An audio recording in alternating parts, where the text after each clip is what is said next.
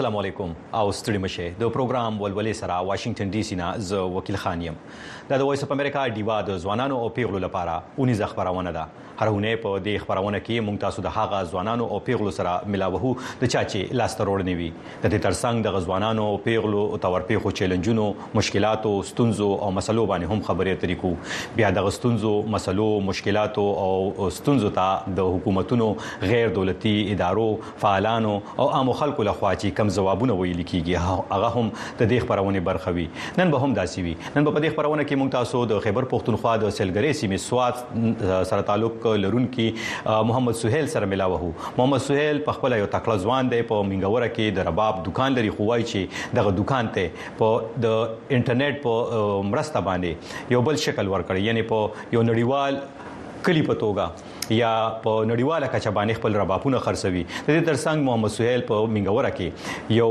د رباب او هارمونیم اکیډمي هم لري. ورسره به خبرې اترې کو چې دغه کاروبار ته د انلاین باندې شکل ورکول د سمره ګټور دي سمره فائدہ ور دي او سمره دوی په د نړۍ نورو هوادونو ته خپل ځان رسول دي د محمد سہیل نه علاوه به موږ سره په دې خبرونه کې وسیم هم ملګری وي. وسیم خان چې په خپل د رباب استاد دی هغه په نورو هوادونو کې د پاکستان نه علاوه په نورو هوادونو کې خلکو ته رباب ورخای د انټرنیټ د لارې. څه طریقې کار وي د غبطي پښتو. د وسیم نه علاوه به موږ سره عبید خان هم په دې خبرونه کې ملموي عبید خان په خپل د هارمونیم استاد دی او په نورو هوادونو کې خلکو ته هارمونیم زده کوي. څه طریقې کار وي دا غوینه به هم د پښتو. د دین روان دي چې خپل ملمنو اړه تلرشم اول غواړم چې په خبرونه کې د مو اخلم د مینا پاسې راشنو ملمنو سره خبرې طریقو ټول را سره مل پاتې شي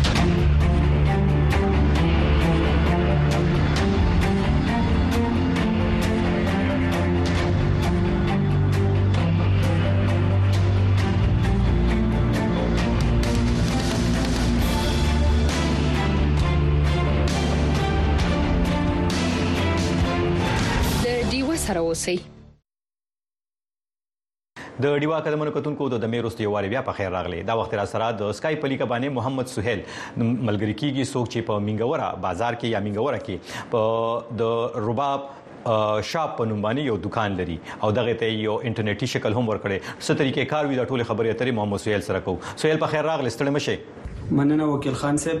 تاسو د ټایم راکولو. تاسو څه تاسو د رباب په اړه کې تاسو زموږ نه کولای شي مننه مننه مهرباني. ډیره مننه کو تاسو چې ډیوی ته وخت ورکوي را سره خبرې اترې کوي ما خلند تاسو تعارف وکړو خو زه غواړم زموږ اوریدونکو کتونکو سره لخپل خپل خپل ځان معرفي کوي سہیل سوک ته اوسه کوي د غلطه په سواد کې منګوره کې؟ زمانو محمد سہیل له د وډیګرام سواد سره تعلق ساتم. ما د بیر یونیورسيټي اسلام آباد نه سایبر سکیورټي ام فیل کړی دی. او زه اوس کوشش کوم چې رباب کم چې هند میډ پلاسونو باندې ټوټل جوړیږي چې زاغه کمپیوټرایز کم. هایم فیل د کړه د په کمپیوټر. کمپیوټر څخه کیو بخې سایبر سکیورټي سایبر سکیورټي واو ها او سایبر سکیورټي او رباب دوانه دی راځي کړي. خدای راته وای چې تکم کاروبار کې دغه دکان چې ستا په منګوره کې دی. د تاسو د انلاین شکل ورکړل دی. او داسې وایي لیکيږي چې سہیل لګیا دی 3D رباپونه هم جوړي او ورسره چې کم دینو دغه رباپونو ته مطلب دا دی چې په نور نړۍ کې بیا خرڅوي هم. دغه دغه راته وای دا ایډیا دا فکر دا سوچ. کله نه چې هم زما د رباب سره شوق شروع شو او ما خپل ریسرچ وکړو نو ماته دا فیل شو ماته دا اندازو شو چې په رباب باندې په کمپیوټر باندې سکار نه دی شوی سپیشلی نه په ریسرچ پیپر چا لیکلي نه په بوکس چا پبلش کړی دي نه په دې په 3D ټیکنالوژي یا په ماشين سکار په چا کړی دی خو بس داغه د پوخانه روان دی وای دا پټي پر دی او دا چې نه په ماشين کېږي نه په کتاب نه په بل څه کې نو ما بس کوشش خپل پوره وکړو ما وی چې څنګه زه رباب ټول کمپیوټرایز کم دا غي د وجنه سیدا فیلډ چې زما مطلب سبجیکټ چې دی هغه سایبر سکیورټي ده خو ما خپل پوره کوشش وکړو چې دا غي سره سره زه خپل کلچر او خپل رباب چې دا ټوټل کمپیوټر ځکه چې زه ونه کم زه د کمپیوټر یو سټوډنټ یم چې زه دا کار ونه کم نو بل به څوک کوي چې دا ټولر سبا په کمپیوټر باندې شي. چې رباب په زموږ سره ټوټل په کمپیوټر پرنٹ کیږي دا ایډیا بل د چا سره راځي. څومره فرق وي د کمپیوټر جوړ په رباب کې او د لاسو جوړ رباب کې؟ سہیل کمپیوټر لچ یو پیر مونږ یو فایل جوړ کو هغه ک بیا مونږ 100 پیرې هم پرنٹ کو سل پیرې پرنٹ کیږي هغه به سیم اقشان راځي. پای کې د سوتر د انچې پرخ نشي راتله انساني لاسونه کې دا د چې کله به غټي کله به وړو کوي کله به مونږ چې 28 جوړ کا به 28 راځي کله به دا شاته پرمچ دی دا به غټه راځي وړه به راځي د قشان بیا دغه په आवाज باندې فرق راځي دغه په کوالټي باندې فرق راځي دغه مهنت خو کمپیوټر کې دانشته کمپیوټر له یو پیر ما سر ډیزاین ورکو سکار ورکو ټول عمر باغه مال هو به هو اق پرما اق رباب بیا جوړي چې انساني لاس جوړي هغه بیا یو شانتي راشي په کمپیوټر باندې یو شانتي جوړي دي شي تاسو دا سی وای کمپیوټر باندې ټول هم زغړم ز جوړول شي البته زما خپل سوچ دا ده تم چې زما شاپ ته یو مرګره راشي او مال یو کسٹم یا یو کسٹم رباب اډر راکې او دا غدم چې ته چې اسکا او ستاره رباب تیاریږي ټوټل مال 10 15 منټ راکې او دا رباب کم چې زمونږ په میاش کې رباب تیاریږي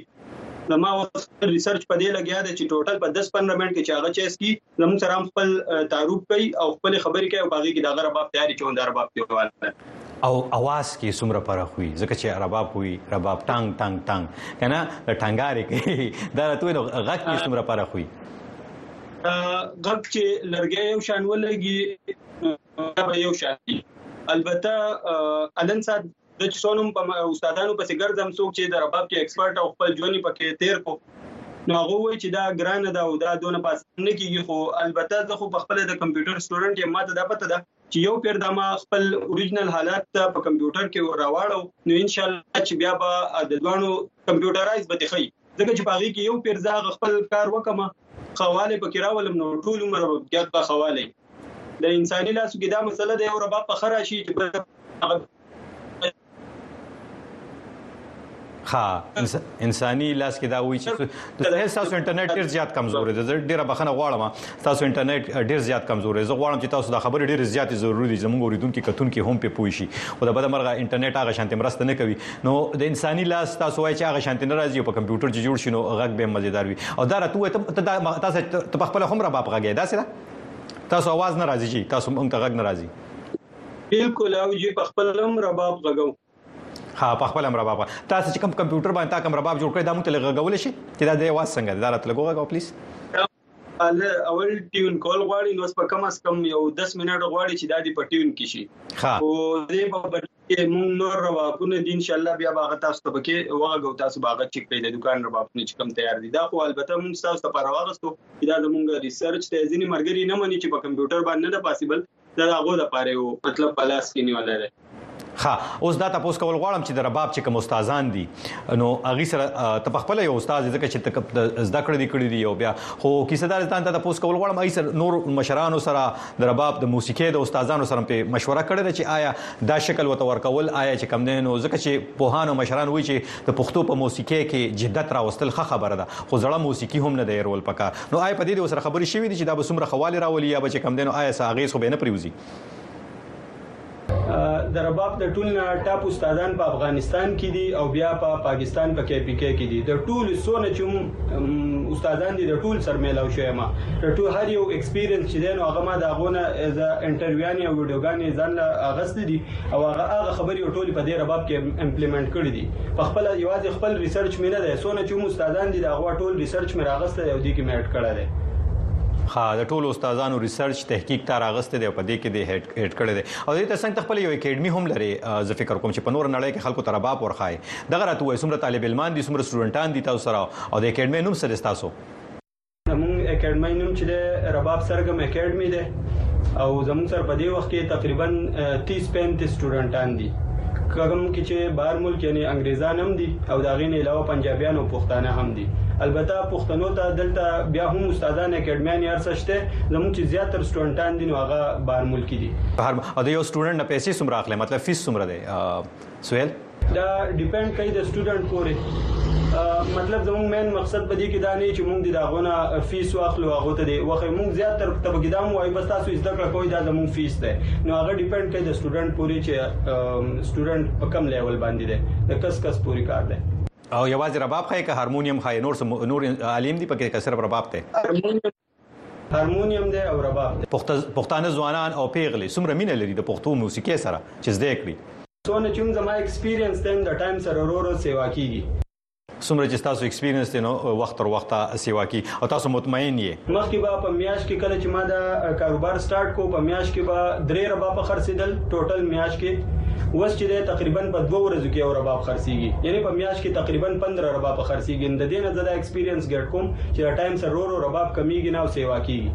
رباب سیوا کی نور ملکونو تم ربابونه لګي د خرڅ لپاره زیات بهر ملک کې خرڅو ډیر کم تر دلته پاکستان کې خرڅو پاکستان کې ربابونه شاپونه ډیر دي ډیر کسان دلته لوکل اخلي. موږ چې په خپل زیات تر زموږ بهر ملک ته ډیلیوري اني صحیح. خبر ملکونه او ارزان ارزان رباب پسو دي ګران ګران رباب پسو دي نن سبا نن نن. ارزان ارزان رباب پاکستانی 8000 روپو نه سٹارټيږي او بیا په دې کې دنه ډېر شه کوالټي نه ډېر شه قسمونه ډېر شه ډیزاین نه دی پاګه ډیپند کوي. خو د ټول نه ګران رباب چې دی نو هغه د 3-4 لک روپو پورې پګشته دی د ټول نه ګران رباب پکې تاسو د 3 لک روپو پورې شته داسې ده 4 لک روپو پورې پګشته دی سلور لک روپو پورې پکې یو رباب شته او څه خصوصیت وي د سلور لک روپو څه مطلب 8000 او د سلور لک روپو د رباب څه فرق وي یو خو لرګي ټول پرخي چې لرګي پکې کم کوالټي ول لګیدل دي سپیشلی د رباب د ټول نه خلرګي چې د افغاني بيدانه نه د افغانستان یو لرګي هغه پکې یوز کیږي نو داغه د ډیلیوري د وجنه او داغه مطلب هغه لرګي نه پیدا کیږي نو چې هغه لرګي نه رباب جوړ شي هغه لري ګرانی. داغه نه علاوه بیا په دې باندې د ګلکاري خبرې. یو بالکل ساده ربابي په یو باندې موږ زیات تر ربابونه صرف په مخ د دا کم فینګر بورډ چې په دې موږ ډیزاین کوو. خو ځینې ربابونه دې چې باغی باندې غیر چاپیره چارشه ډیزاین ورته موږ وایو ټوټل رباب باندې ګلکاري شوی نو هغه بیا ګران ربابونه وسم زما سره نن په دکان کې رباب پروت دی صحیح او زه شاته دغه چې یو دا دا کوم رباب ته وبخه دا رباب تاسو کته چې دا اوس په دې وخت کې کم ډیزاین چې تاسو ته یادوم دا غرباف دی او دا رسوم پیسو ده دا رسوم پیسو ده دا اوس په دې وخت کې 1 لک 80 هزار روپو ده یو لک 80 هزار روپو ده او دا ستاسو په دکان کې جوړ شوی دی جی جی بالکل دا په دکان کې جوړ شوی دی ها ستا انټرنیټ ډیر زیات کمزور دی ډیره بخنه غواړم یو ځل بیا. خو انټرنیټ ډیر زیات کمزور دی فکر کوم چې زموږ اوریدونکو کتون کې تاسو په خبره باندې هم پويږي او استادان د سرشتي د رباب جوړول استاد د خپل جوړه کنور استادان دي سره؟ خپلوم جوړو د افغانستان نوم راغواړو او پیښور نوم راغواړو ځکه چې دا ډیماند نه پوره کیږي. البته نن دا موږ په لاسو جوړو په لاسو باندې نه پوره کیږي.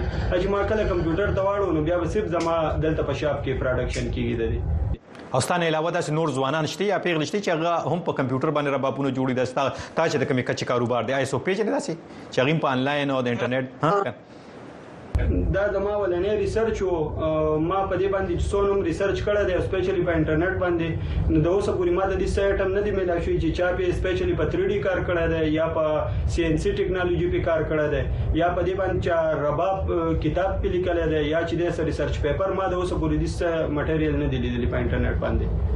صحیح صحیح. د نن یو دوه پښتنه نور کوم؟ بیا د اجازه تم در کوم د نن پنځه کاله پس لس کاله پس محمد سہیل د خپل رباپونو د کاروبار چرته ویني؟ په کومه کچې ویني؟ اوس سوچ لري څه فکر ده ستاسو اراده ده بس کوشش کوو چې خپل culture promote کو او مخکې بوزو.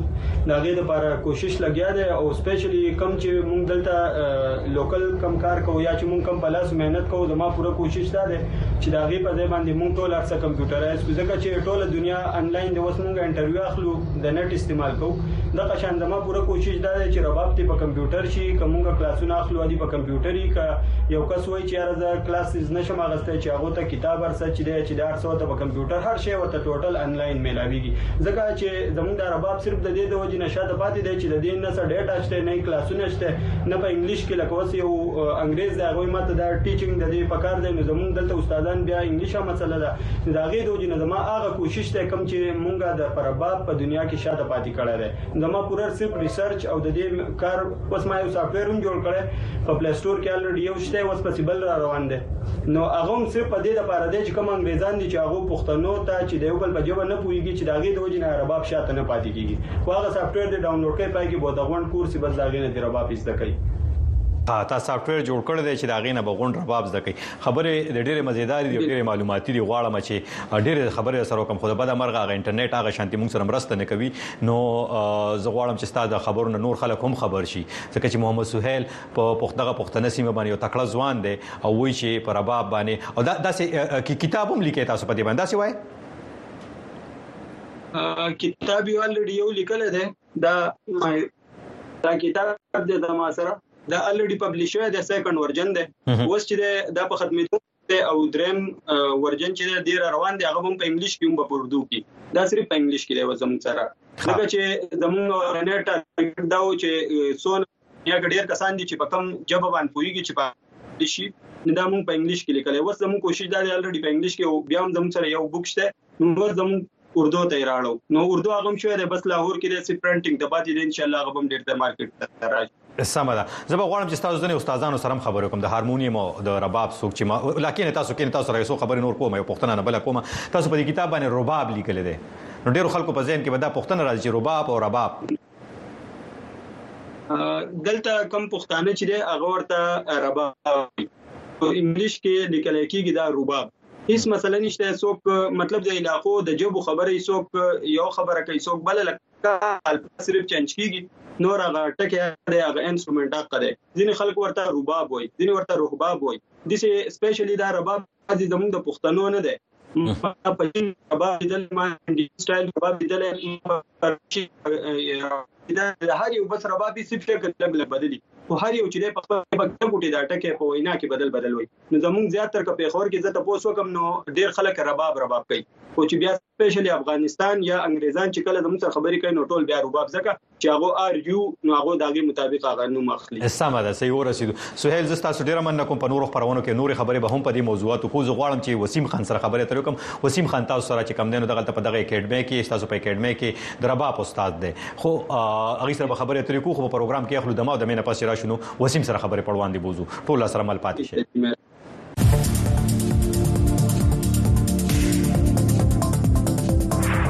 دیوا په سټلایټ ټي وي هر ورځ سلیریش ساته په ډیش انټینا تاسو په یوټل سټلایټ په ټلویزیون تولا او به طرفه خبرونه باسونه او چیرنې کتلې او اوریدل شي د یوټل سټلایټ فریکوئنسي یا سپې او یا بي چینل یو سل درې.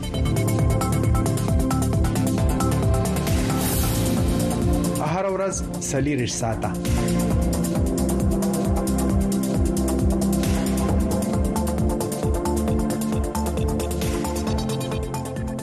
د ډیوا قدمونو کتونکو د محمد سہیل صاحب خبره تاسو وره دی او دا وخت را سره د اسکایپ لیکا باندې ملګری کیږي. وسیم خان وسیم خان په د سہیل سره په سہیل په اکیډمي کې د رباب استاد دی. سټوډنټان لري چې په ګرد نړۍ کې یو سره چې کوم د طالب علمان دی وغي تربا پورخای دا وخت را سره. وسیم خان د اسکایپ لیکا مل مشه دی. په خیر راغلی وسیم ستړي مشه ډیره مننه وکړه ډیره مننه تاسو کوم چې ډیوی ته وخت ورکوي را سره خبرې اترې کوي. خدا را ته وای اول د دینه مخکې چې خبرو ته لوړ شي زه خو اول دی راته د دې رباب د خو غږ وراوه څنګه دی خو خبره بیا نور خبرې کوو. ټیک ته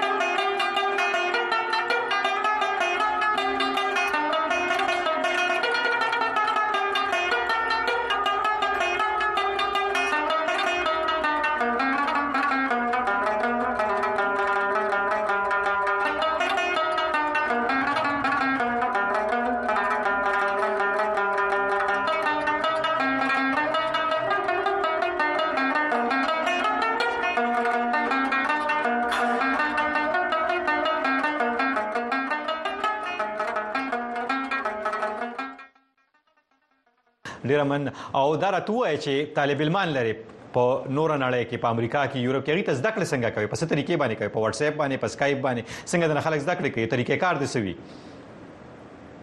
هغه خو زموږه طریقه کار دی چې موږ په واتس اپ باندې کنه او څنګه چې سوال تاسو ته وایي چې مطلب زیات تر مسله چې دا د لینګویج وی غوتا لکه چې هغه زم په پښتو لینګویج باندې نه پويږي نو زه په خپل چې ما بیچلرز وسوکو په انګلیش کې د پیښور پوهنتون نه نو انګلیش فلوئنسي لګ ډیر داګه سره لاله دغه په لینګویج باندې زه پوه شوم نو بیا ما دا وختل چې را زدا لینګویج کم خپل انګلیش دا یوټیلایز کما او خپل کلچر چې کم دغه باندې پروموټ کوم نو د واتس اپ په دغه باندې مون کلاسې زخلو غوته او په انګلیش لینګویج کې په اردو کې هم په پښتو کې کنه کم چې په کم لینګویج کې وي نو په دې طریقه باندې موږ خپل کلاس چې دا جاری ساتلی دا ولګیو صحیح په دغه طریقه تاسو خپل کلاسونه جاری ساتلی ولګي خدای راته وسیم چې کم دینو د کوم کوم جبو ویونکو یا د کوم کوم ملکونو طالب علمان دي چې تاسو نه زده کړې کوي زیاتره خو بدی کې زموږ سره دغه سایډ یورپ امریکا دغه سایډ چې کم دي دغه کسان دي. او زیاتره انګلیش سپیکرز دي یا خو مطلب نیټیو دي دغه یا دلته کې د دې ځتلې دی الته کې پیدا شوی دي د صداي کنه خو د دین علاوه چې زموږ سره اردو سپیکر زم شتالتا خو زیات تر فوکس زموږ چې دغه په انګلیش سپیکر ځکه چې د رباب استادان چې کم دي پښتانه خو ډیر زیات دي پښتو لینګویج هغه وای خو د څه پکې بزوم چې ډیر زیات کم دي چې هغه په انګلیش لینګویج باندې یا پويږي یا لګ ډیر نو زموږ فوکس زیات تر دا دی چې کم نیټیو سپیکرز د انګلیش دي هغه باندې موږ دغه کو د کلچر یا د رباب چې کم دی دا پروموټ کوو هغه ته وخایو او دا مطلب دا او داسې سټوډنټان دي چې چاته نه فارغ شوی رباب زده کړی کله نشته پکې. اشته د ډیر کسان دي او فارغ ده خو په دې کې وزده سوي مچ نه وي ځکه چې دا یو نالج دی او ته به مطلب رواني مخ کې بځي خو د سی بغشته چې مطلب هغه د بیسکس نه بيخي مونږ روان کړی دي او وس لګیا دي کنسرټس خو باقاعده غا اټینډ کوي او لګیا دي وسم نورم زده کړه کوي. په کوم مل په کوم ملکونو کې دي هغه استرالیا کې هم شته امریکا کې هم شته یورپ کې هم شته مختلف ځایونه کې دي صحیح مطلب استرالیا کې هم شته یورپ کې هم شته مختلفو ځایونو کې دي صحیح او دا راته وایا چې دا کم کم شکل چې مطلب کوم حساب سره خلک د کې داسې مطلب د نورو جبو د نورو قانونو خلک ځکه چې ګټار هم شته نور انسټرومنټ هم شته رباب کې دلچسپي اخلي نسوي ته ولې دلچسپي اخلي په رباب کې هو دلچسپي زبر دا و چې اولنې خبر دا چې هغه د وای چې د رباب کوم غږ چې دا خو اوله خبره خو دا چې دا ډیر زیات اپیلینګ دی په غو باندې خلګي یو وجه دا وی بل فائدہ دا وشو چې رباب کې چې موږ کم ارسه غوونو زیات تر هغه زمونږ د لینګویج چیزونه وس اوري ځکه دا خبره ما زیات تر نوٹ کړنو په دې کې بل فائدہ دا مو شو چې زمونږ کم لینګویج چې د یا زمونږ کم پښتو موسیقي چې دا غم د دې سره پروموټ کیږي. نو هغه زمونږ کم سونس چې د پښتو غم اوري او خپل هغه د انګلیش یا د سپینش دا چې کم ټیونز دي نو هغه رباب ته رباب کې هغه گیدې شي.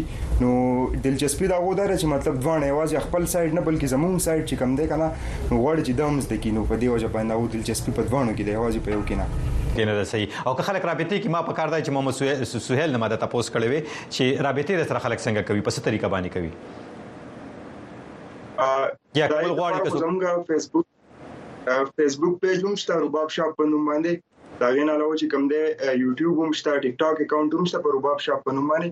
هغه کې زموږ واتس اپ نمبر ډایرکټ ټو می او ال د کوم ته میسج کولای شي دا صحیح سمه ده زه ستاسو ډیره مننه کوم خبر ډیره پاتې کیږي نور پروګرامونو کې به هم د سرکو تر دې د ډیره مننه چې موږ ته د وخت را کور سره خبره تر کړو جهان مننه د ډیوا قدمونو کتونکو تاسو د وسیم خان خبره تر ور در باپ استاد دی وی چې په نور نړۍ کې د ما سټوډنټان دي په امریکا یورپ استرالیا کې چې رباب پرانځ د کوي او په منګوره کې ناشته وای چې ما په انګریزي کې چې کم دنو ماسترز کړو غوښتل مې چې د انګریزي په ګټه راولم. نو دغه شانتي او اقتصاد برخه هم جوړه کم ځانتا نو تاسو د وسیم خان خبره ترې ور دي پروګرام کې دما او د مینه پس را شنو موږ سره پروګرام کې ملکیږي عبید خان عبید خان د هارمونیم استاد دی او په نور نړۍ کې هم طالب علمان لري. سره مل پاتې شي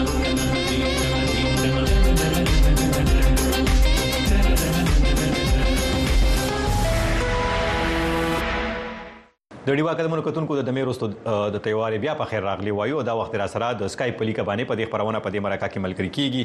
عبید خان عبید خان هم عبید خان هم په رباب سرګم اکیډمي کې د سہیل سره او د غشانتي د وسیم خان سره د هارمونیم استاد دی. را سره دا وخت سکایپ په لیکه مل شوی دی. عبید په خیر راغلی ستړي مشه الله دې وبخو ګل خان صاحب السلام علیکم. امید ساتم تاسو بخیر مننه مننه خیر د تاسو خیر طبيعت په خدای روغ جوړ او دارته وایا چې د هارمونیم استاد نو خبرې شروع کو خو زم لنډه غون تر تاول هارمونیم واړو بیا د یو څه تاسو کوم تا د طریقې کار د استاد چې نور نړۍ کې سټوډنټانو طالب علمان لري یغی ته هارمونیم ورزده کوي. په اول غواړم چې تاسو د هارمونیم ملګرتیا سمره په خره تاسو یو بل سره خبرې وورم.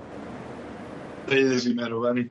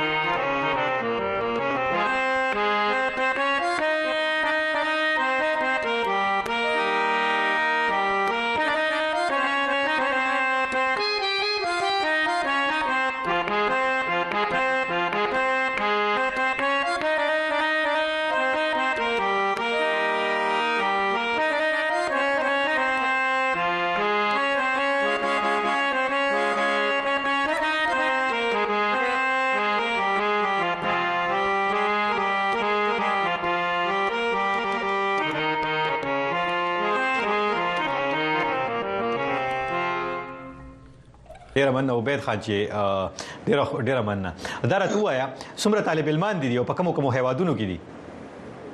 دا خو چې مختلف ملکونو کې دي بهر ملک دي تاسو ته وسیم صاحب هم وي. نو دغه شان دي انلاین اکیډمي د زمونږ د هارمونیم هم د رباب هم د په خپل د رباب شاپ هم د سیلوم کو د رباب او خرڅول کو نو مختلف ملکونو کې دي دلته هم راځي شاپ دا اکیډمي مشته د سټوډنټانو لپاره نو هغه کلاس اخلي موږ سره راځي ناستي او انلاین ورته مخلو د واتس اپ په ذریعہ باندې ها د واتس اپ په ذریعہ باندې او د کوم کوم مطلب دا چې کوم هیوادونه موږ ته وسیم خان یاد کړو هغه شانتي مطلب هغه هیوادونو کې تاسو سټوډنټانو هم دي ماغه دي جی صحیح صحیح.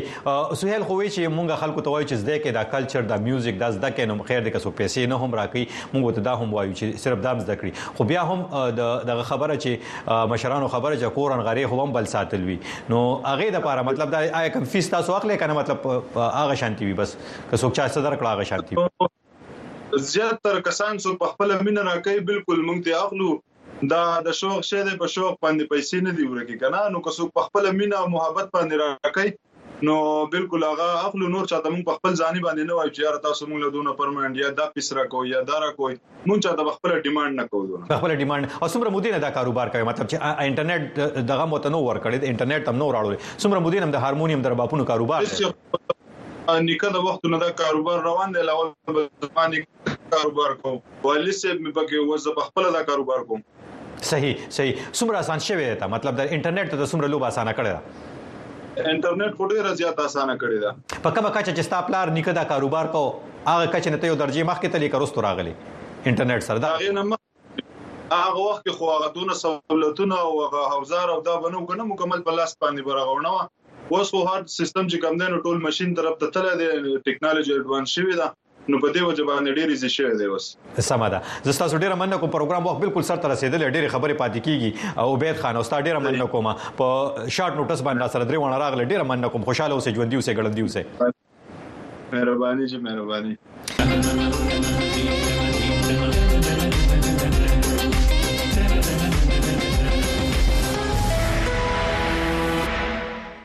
د ډیوا کډمن کوتونکو هم د دې سره د بیوې ډي وی د ولولې خبرونه وخت پای تر رسیداتونکو نه بعد نورو ملمنو ترڅنګ تاسو وړاندې راځو. تر هغه زه وکیل خان تاسو نه خپل اجازه چې چرته هم یې بریالي اوسه خوشاله اوسه تل ویلا پامان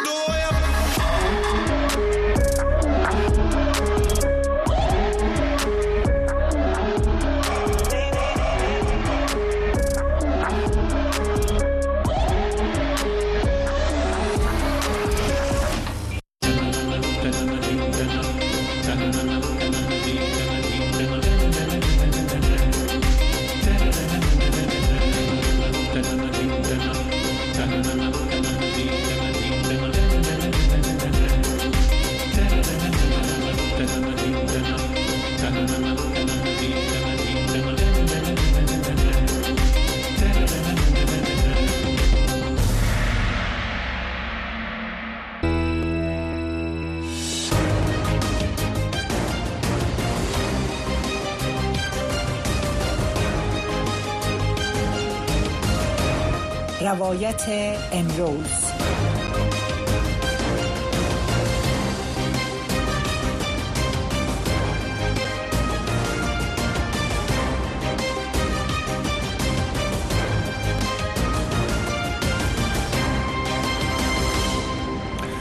سلام و شب بخیر بیننده ها و شنونده های گرامی تلویزیون آشنا صدای امریکا از واشنگتن. من محمد احمدی هستم. میزبان برنامه روایت امروز برنامه ای که به موضوع نتایج انتخابات پارلمانی پاکستان بحث می‌کنیم و همچنین در مورد این که پارلمان این کشور امروز شهباز شریف را با 201 رای من حیث صدر این کشور انتخاب کرده است. در برنامه امروز با حضور یک تن از تحلیلگران سیاسی آقای آصف مبلغ مقیم ترکیه به این موضوع می پردازیم که آینده حکومت پاکستان بعد از انتخابات جنجال برانگیز و نتایجی که بسیار پرمناقشه شد چه خواهد بود؟ و با انتخاب رئیس جمهور و انتخاب صدر اعظم در یک حکومت ائتلافی آینده این کشور چه خواهد بود؟ چگونه این حکومت می تواند در مواجهه با بحران اقتصادی که این کشور گریبانگیرش هست مقابله بکنه؟ جناب آقای مبلغ سلام روز شما بخیر. خوش آمدین به برنامه امروز. با سلام خدمت شما جناب آقای احمدی. و خدمت شنوندگان محترم شما تشکر از دعوت شما. بخیر باشین. قسمی که شما اطلاع دارین آقای مبلغ شهباز شریف این بار دوم است که به حیث صدر اعظم پاکستان انتخاب میشه.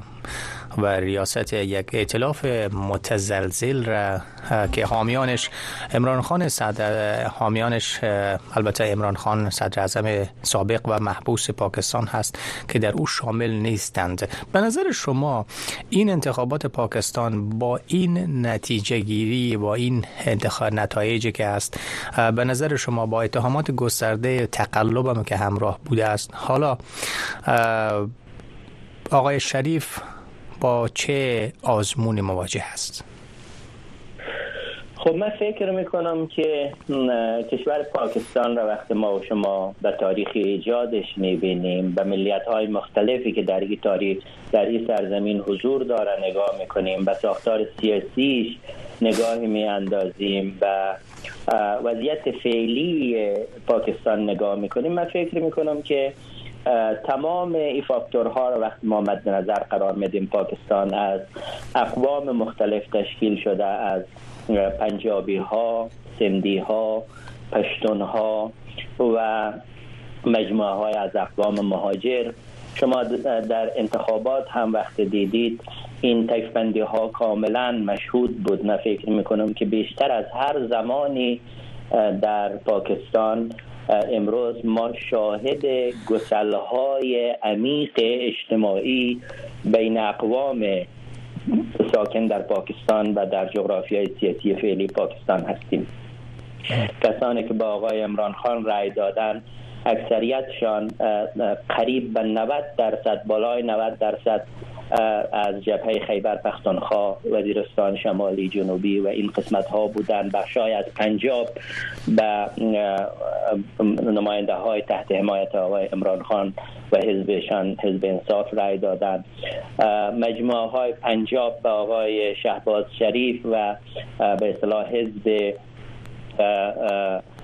مسلم لیگ شاخه نواز رای دادند سندی ها که بیشتر در جنوب قرار دارد به حزب مردم پاکستان به رهبری بیلوال بوتو و به رهبری مشترک بیلوال بوتو و زردار علی رای دادند. از او طرف ما در ایالت بلوچستان شاید تشدد هستیم. و حزب متحده قومی تعداد زیاد رای دادن که اینا اقوام به اصطلاح مهاجر پاکستان هستند. و همچنین جبهه بلوچستان رای های را به خودشان اختصاص داد. بنابراین در یک طیف کلی وقت شما می‌بینید می‌بینید امروز بیشتر از هر زمانی در تاریخ سیاسی پاکستان ما شاهد عمیق شدن های اجتماعی مبتنی بر قومیت در پاکستان هستیم. و ایرا کسانی که در رأس ساختار سیاسی پاکستان هستند به خوبی احساس می‌کنن از یک طرف. از یک طرف دیگه خطرات را که ناشی از این گسست بی سابقه اجتماعی در پاکستان هست را هم به خوبی احساس می‌کنن. و از طرف دیگر کسان را که از فاکتور قومیت و از فاکتور به اصطلاح های اجتماعی سیاست می‌کنن و این ابزار را به خوبی استفاده می‌کنن. این را هم حاکمان اصلی پاکستان که طیف وسیع از پنجابی ها و ارتش پاکستان و استخبارات پاکستان را تشکیل میده این را هم متوجه هستند من فکر می‌کنم که علا رقمیه که آقای امران خان با شعار عدالت اجتماعی از یک طرف و شعار بازگرداندن قدرت به سیاستگران غیر نظامی به میدان آمده بود. اما فاکتور گسلهای اجتماعی و قومیت را به خوبی استفاده کرد و این نتیجه خودش را در فضای سیاسی امروز پاکستان منعکس کرده. آنچه که حاکمان اصلی پاکستان یعنی پنجابی ها را ملتحب کرده که دست به ای زدن که آقای امران خان را به زندان بیافکنند ممنوع انتخاب بکنن آقای قریشی معاونشان را به همین شکل ممنوع انتخاب و به زندان بیافکنن لوگوی حزبشان را نگذارن که مورد استفاده قرار بگیره در انتخابات. دلیلش این هست که سیاستگزاران اصلی پاکستان عزمشان را جزم کرده که در مقابل قومیت سازی سیاست در پاکستان استادگی بکنه. چرا؟ چون می‌فهمند که در انتهای جاده سیاست بر مبنای قومیت در پاکستان تجزیه هست. و این خطر کلان را چون احساس می‌کنن بنابراین در بدترین شرایط اقتصادی سیاسی و به اصطلاح اجتماعی در پاکستان آقای شهباز شریف با مشکلات بسیار متعدد روبرو خواهد شد. به همون شکل که شما اشاره کردید امروز ما با واقعیت به نام تی تی پی در پاکستان مواجه هستیم. با واقعیت به نام جنبش تحفظ پشتونخوا که دو روز قبل و یا سه روز قبل شعار داد که در پی اتحاد مردمان دو طرف خط دیارند هستند مواجه هستیم.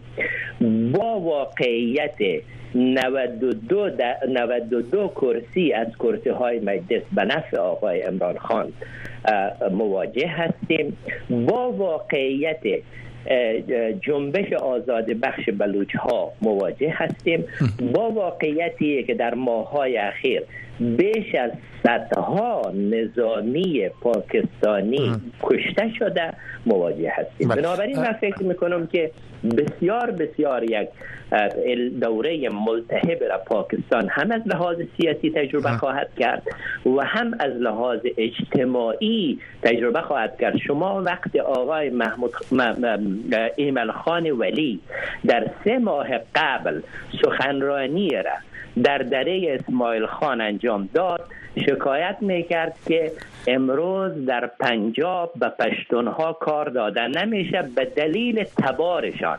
چرا؟ چون سیاست در پاکستان تباری شده و امروز این گسست اجتماعی را مردم با پوست و خون و استخوانشان احساس می‌کنن و این پاکستان را به مرحله پرتگاه برده. بنابراین من فکر می‌کنم شرایط بسیار خطرناک حالا با این وضعیت مشکلات اقتصادی و تورمی که وجود داره از یک سو این بحث قومی و تبارگرایی که شما هم بهش اشاره کردین با وجود یک اختلافات عمیق سیاسی که به وجود آمده. به نظر شما حکومت ائتلافی چه برگ برنده برای مهار این وضعیت داره؟ یا اصلا توانایی به تشدید این وضعیت را داره. از چه ابزارهایی می‌تونه استفاده بکنه؟ نهادهای مثل صندوق بینالمللی پول. آیا این بار باز هم به کمک پاکستان در صورت بحران شدیدتر اقتصادی خواهد آمد؟ یا به عبارت دیگر در بحث کنترل نابسامانی های سیاسی و اجتماعی داخلی از چه ابزاری استفاده خواهد کرد؟ من فکر می‌کنم که در پاکستان به همون شکلی که قدرت اصلی تعیین کننده بوده یعنی سیاستگران پنجاب و آی آی و ارتش پاکستان. این بار هم از یاد نبریم که پاکستان کشور اتمی هست کلاهک های هسته ای داره. و دنیا هم این فاکتور را به خاطر داره. یعنی در تعقیب روندهای سیاسی و وضعیت سیاسی پاکستان قدرت های کلان این مسئله را مد نظر داره که کشور پاکستان یک کشور اتمی هست و خطر هر گونه بی‌ثباتی سیاسی غیر شفاف می‌تونه به مفهوم به خطر افتادن کلاهک های هسته پاکستان و افتادن این کلاهک های هسته به دست گروه های غیر مسئول باشه. من فکر می‌کنم ارتش پاکستان این فاکتور را به خوبی استفاده خواهد کرد. و من فکر می‌کنم که دوره اختناق سیاسی در پاکستان با تشکیل حکومت جدید به شدت آغاز خواهد شد. یعنی حکومت آقای شهباز شریف از سوی ارتش پاکستان از سوی آی اس آی و از سوی سیاستگران اصلی پاکستان که پنجابی ها باشه. مأمور خواهد شد که کسانی را که از فاکتور قومیت برای تشدید گسلهای اجتماعی استفاده کرده اند به شمول حزب آقای امران خان و به شمول کسانی که رنگ مدنی داره مثل جنبش تحفظ, تحفظ پشتونخوا عرصه بر اینها به شدت تنگ خواهد شد. مثلا مسئله تمامیت ارضی پاکستان هست. من از قبل هم در مصاحبه قبلی خود با رسانه ها این مطرح کردم که پاکستان یقینا اجازه نخواهد داد که سیاستگران قومی که بر تشتت و های اجتماعی تاکید می‌کنه بر سر کار بیاید و همین قسم هم شد. هرچند که با به اصطلاح مشکلات مواجه شدن در جمعوری آرا. اما پاکستان پنجابی ها اجازه نخواهد داد که سیاست کلان کشور به دست کسانی بیفته که بر تشدد اجتماعی در پاکستان می‌خواهد سیاست بکنه و این عرصه را تنگ خواهد کرد.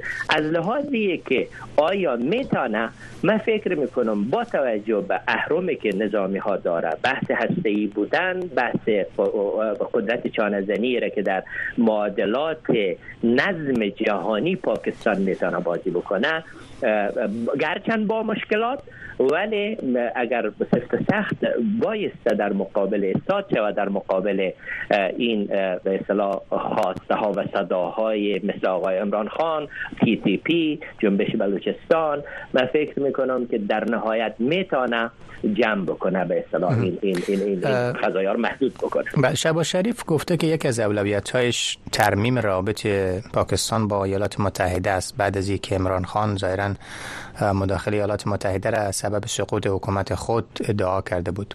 از سوی دیگه گروه متشکل 31 قانونگذار امریکایی با ارسال نامه به جو بایدن رئیس جمهور امریکا و وزیر خارجه کشور خواسته تا زمانی که حکومت جدید پاکستان را به رسمیت نشناسه که تحقیقات مستقل در مورد ادعای مداخله و تقلب در انتخابات 8 فوریه را اندازی و نهایی شود.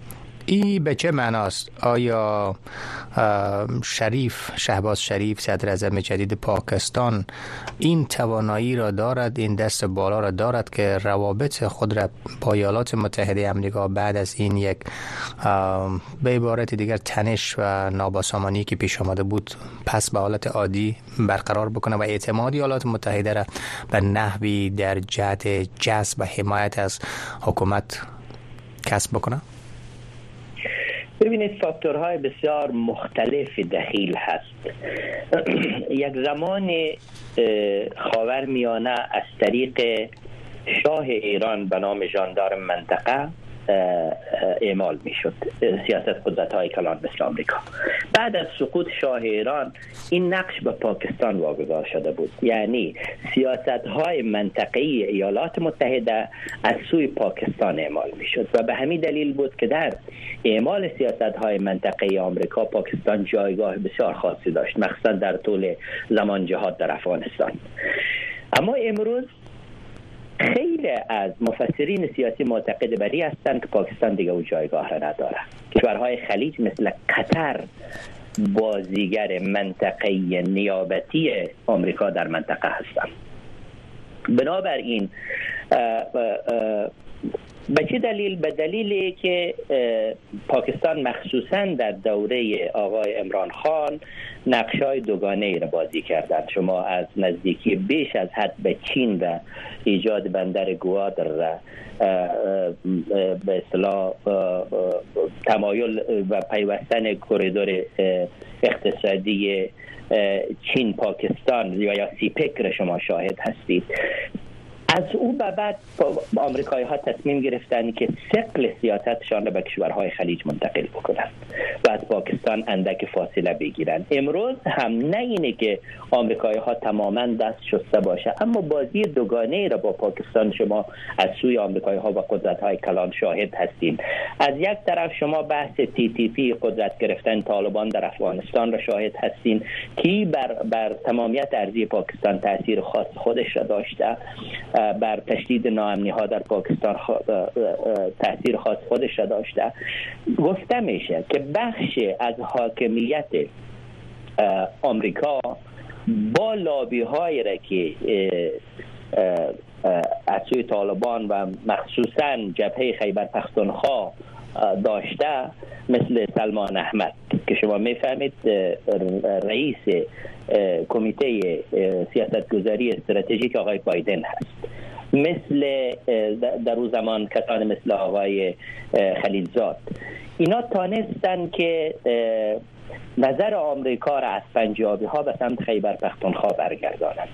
حالا آقای شهباز شریف تمام تلاشش این خواهد به همون شکل شما می‌فهمید آقای منیر آسم هم در ماهای گذشته وقتی به آمریکا مسافرت کرد دست خالی برگشت. چرا؟ چون او علاقه ای که سابق آمریکایی ها با پاکستان داشتن دیگه ندارن و سیاستشان چیز دیگه اقتضا می‌کنن. آقای شهباز شریف به همون شکل که شما فرمودید تلاش خواهد کرد که اعتماد از دست رفته و نقش از دست رفته پاکستان را در سیاست های منطقه‌ای ایالات متحده و کشورهای کلان غربی دوباره احیا بکنه پاکستان همیشه متحد بسیار خوب برای بریتانیایی ها بوده و از طریق بریتانیایی ها در تیعی هست جبهه پنجاب که بتانه نقش پاکستان را احیا بکنه. آیا ممکن هست بعد از حملات حماس به اسرائیل و نقش را که کشورهای خلیج و کشورهای مثل قطر که حامی اخوان المسلمین هستند از لحاظ اسلامی و بعضا گفته میشه که مراودات را با رهبران حماس داره آیا ممکن هست که دوباره آمریکایی ها سقل سیاست های منطقیشان را از کشورهای مثل قطر به پاکستان منتقل بکنه این برمیگرده به امتیازاتی که آقای شهباز شریف به آمریکایی خواهد و ممکن هست که دوباره بتانه اون جایگاه خودش را به دست بیاره. بله در این میان روابط بین حکومت جدید پاکستان تحت ریاست شهباز شریف با طالبان افغانستان هم مطرح است. تنش طی ماهای گذشته بسیار بالا بود روی مسئله تی تی پی و پاکستان هنوز هم بر این اصرار داره که طالبان پاکستان افغانستان باید دست از حمایت و پناه دادن به طالبان پاکستانی برداره. در این میان حالا که این حکومت جدید در پاکستان کار خود را آغاز بکنه این سطح روابط بین پاکستان و افغانستان به چه شکل خواهد بود؟ آیا به همون شکلی که بود ادامه خواهد پیدا کرد؟ یا فکر می‌کنین پاکستان این بار از ابزار و سیاست های تازه ای را در قبال پا افغانستان برای فشار بر علیه طالبای افغانستان استفاده خواهد کرد؟ خب بسیار سوال مهمی هست. برخلاف ایه که خیلی وقتا مفسرین سیاسی دچار پارادوکس میشن که چطور طالبان که زاده پاکستان هست امروز حکومت پاکستان با اونا به مشکل خورده آیا یک بازی سیاسی هست یا واقعیت هست؟ این شکاف ها من اعتقاد دارم که این واقعیت این, این شکاف ها واقعیت هست. پاکستانی ها همیشه از نشنلیست های افغانی که شعار لر او بر یود سر می دادند و ای به تمامیت ارزی پاکستان صدمه می زد همیشه خواستند در مقابل اینها یک جبهه افراطی مذهبی را به وجود بیاره و از حضور آنها در مقابل حاکمیت های نشنلیست در افغانستان استفاده بکنند. به وجود آوردن طالبان با حمایت جهادی ها مخصوصا احزاب مثل آقای حزب یونس خالص و حزب اسلامی آقای حکمتیار بر اساس اینمی به اصلاح فرض بود. کتاب بتانه حکومت های نشنلیست مثل نجیب یا بقیه را ساقط بکنه. بعد طالبا هم به همی به دلیل همین روایت به وجود آورده شد. اما بعدها وقتی طالبا دوباره در دور دوم قدرت به دست گرفتن واقعیت ها تغییر کرد. این تغییر واقعیت ها به دلیل ای بود که روابط گسترده را طالبان منهای طالبان از طریق قطر با دنیا ایجاد کردند و امروز طالبان خودشان را مستقلتر از پاکستان احساس کردند و با ارتباطات را که با نشنالیست ها پیدا کردند امبار بعضی از سیاست ها و شعارهای نشنالیست ها از زبان طالبان جاری شد. امروز پاکستان با این واقعیت روبرو هست که از چیزی که می ترسید به سرش آمده. یعنی شعارهای ها از زبان طالبان جاری میشه یک. دوم با واقعیت به نام تی تی پی پاکستان روبرو هست. با واقعیت به نام جنبش تحفظ پشتونخوا روبرو هست. می‌خواد چیکار بکنه دو تا گزینه داره پاکستان. یا میآید دوباره خطا می‌کنه و از افراطی های اسلامی یعنی گروه داعش خراسان حمایت خواهد کرد. این بزرگترین اشتباه تاریخی پاکستان خواهد بود. و یا می‌تونه بیاید برای بالانس کردن قدرت در افغانستان. به نفع به اصطلاح اقوام افغانستان بازیگری بکنه. این بسیار نکته ظریف هست آقای احمدی. منظورتون نیست یعنی که از اقوام مخالف طالبا با استفاده می‌کنه امتیاز میته و اونا را به نحوی اگر بتانه اگر بتانه درک را داشته باشه سیاستگرای پنجابی اگر به افراطی ترهای مخالف مثل داعش رو بیاره خطا خواهد کرد. اما اگر بیاید به بالانس قدرت در افغانستان فکر بکنه یعنی کسانی که مخالف طالبان هستند از اقوام مختلف در افغانستان حمایت بکنه من فکر می‌کنم این یک یک سرمایه گذاری بلند مدت بسیار پرسود برای پاکستان خواهد بود. و در این میان فکر می‌کنین که آیا این احزاب مخالف که مخالف طالبا هستند در واقع فعلا بیرون از افغانستان هستند چراغ سبزی خواد نشان دادن. یعنی همسو خواهد شد. به عنوان یک فرصت ازش استفاده خواهد کرد. فکر می‌کنم نه فکر می‌کنم که چیزی که در سابق به نام جبهه متحد و یا جبهه شمال یاد می‌شد. خب سیاست را که با نصرالله بابر در قبال اینا انجام داد ایه که چطور به کدام جبهه سیاسی در پاکستان مربوط می‌شد او را از سرش می‌گذاریم اما من فکر می‌کنم که امروز همون مجموعه هایی که جبهه متحد و یا جبهه شمال تلقی می‌شد هم فامیده که با پنجابی ها مشکل استراتژیک نداره سیاستگران پنجابی هم فامیده که با جبهه شمال مشکلات عمیق استراتژیک نداره مهم این هست که هر دو طرف چقدر خرد سیاسی داره که از این مشترکات سیاسی استراتژیک بهره ببره. و در صورتی که این در واقع تقرب را پاکستان بجویه فکر می‌کنین که واکنش طالبان و آنچه که از آن به عنوان ملیگره های افغانستان شما یاد کردین اونا چه خواهد بود؟ آیا به سرکوبی شدیدتری را در داخل افغانستان بر علیه کسانی که به نام طرفداران هواداران این احزاب خواهد بود مبادرت خواهد کردن یا فکر می‌کنین که باز در این میان حمایت پاکستان نقش خود را داره جای خود داره ببینید پاکستانی ها به نقطه رسیده که امروز میگه بالاتر از سیاهی رنگی نیست. یعنی امروز عملا جبهه تی تی پی برای تجزیه خاک پاکستان و برای سقوط نظامی که در رأس و پنجابی ها هست حاضر شده. با, با, با اتحاد با ها. بنابراین بالاتر از این دیگه امکان نداره که وجود داشته باشه. عملا پایگاهشان در خاک افغانستان وجود داره.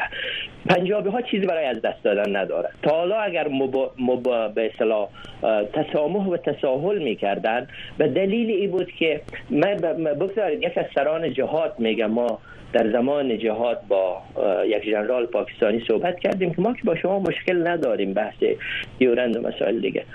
شما چرا نمیایید از این احزاب که در شمال شکل گرفته حمایت بکنید؟ و ای گفت که ما لابیگران بسیار قوی از مخالفین شما مخالفین شما در پاکستان داریم که اینا ممکنه در داخل پاکستان برای ما دردسر ایجاد کنند اما ما تا زمان با اینا مماشات می‌کنیم که اینا برخلاف منافع کلان ما حرکت نکنه امروز همون نقطه هست که اینا حرکت کرده در مقابل منافع استراتژیک پاکستان.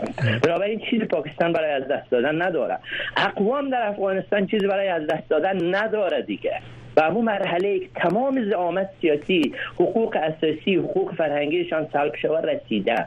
بنابراین من بعد سیاسی از سوی کسانی که به نام جبهه متحد شمال یاد میشه و از سوی پنجابی ها نیاز هست یک اتحاد استراتژیک شکل بگیره.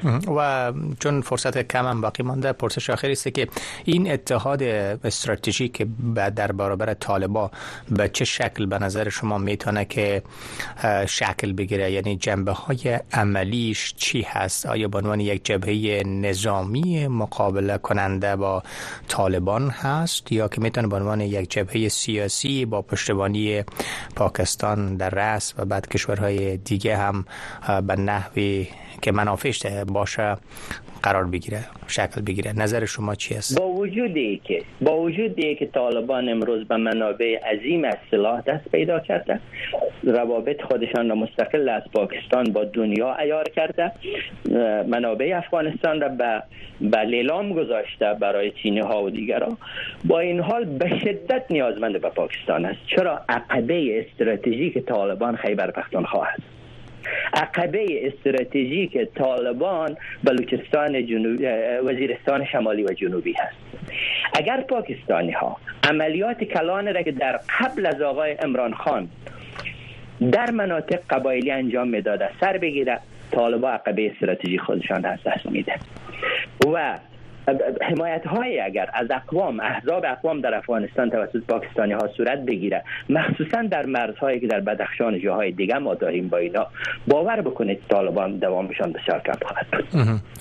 سپاس فراوان. از شما جناب آقای آصف مبلغ تحلیلگر مسائل سیاسی مقیم ترکیه که در بحث روایت امروز دیدگاه خود را راجع به آینده سیاست حکومت جدید پاکستان. حکومتی ائتلافی که تشکیل شده است بیان داشتیم همچنین روابط این حکومت با حکومت افغانستان تحت حاکمیت طالبان هم ارزیابی داشتیم سپاس از همه شما بیننده های عزیز و شنونده عزیز که به این برنامه گوش دادین. لحظات بعد همکارانم در استودیو خان بود با میزبانی برنامه صدای شما. تلفن برنامه 001 202 980 20 است و منتظر دریافت تلفن های شما و همگیری شما در برنامه هستیم موفق و کامیاب باشید.